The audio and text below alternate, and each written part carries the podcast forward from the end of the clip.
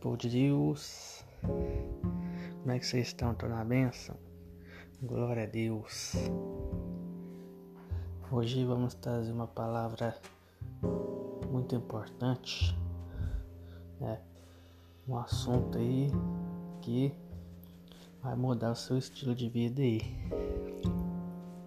Que se encontra no livro de Tiago, capítulo 1, nos versículos 19 e 20 está dizendo: Lembrem-se, meus queridos irmãos, estejamos prontos para ouvir, e tardios para falar e ficar com raiva, porque a raiva humana ela não produz aquilo que Deus aprova, né? Palavra que realmente faz sentido aí, né? Que muda a nossa história aí. Amém. E só Deus, né, gente, vai mudar nossa história aí. Amém. Que Deus possa tocar no nosso coração. Aí é que nós entramos na palavra aí, né? Independente da situação, nós possamos ouvir ouvir a voz de Deus,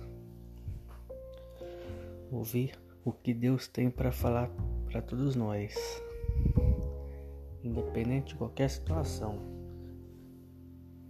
E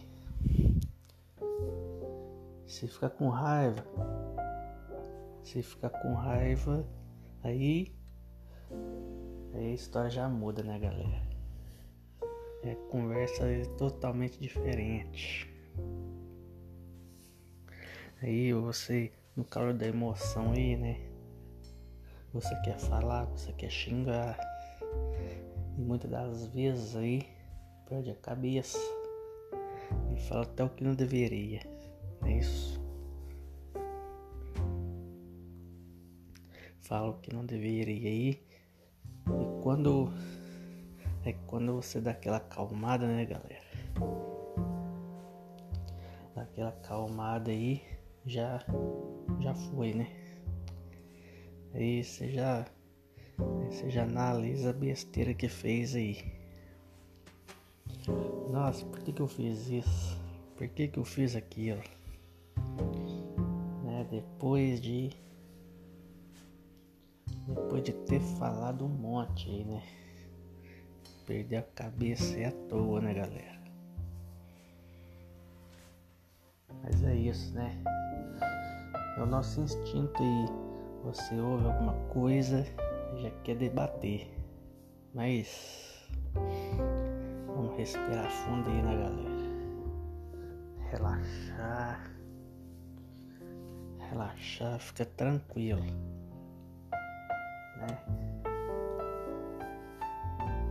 Deixar com que Deus possa agir aí. Porque o servo de Deus, ele passa por lutas.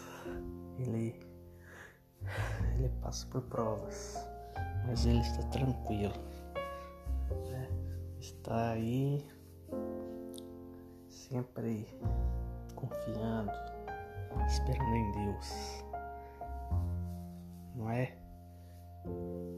É o que eu tenho para falar aí para você, né? Tenho para falar para você nessa madrugada. Não sei quando você vai ouvir esse áudio, mas é o que eu tenho para falar para você. Então é isso.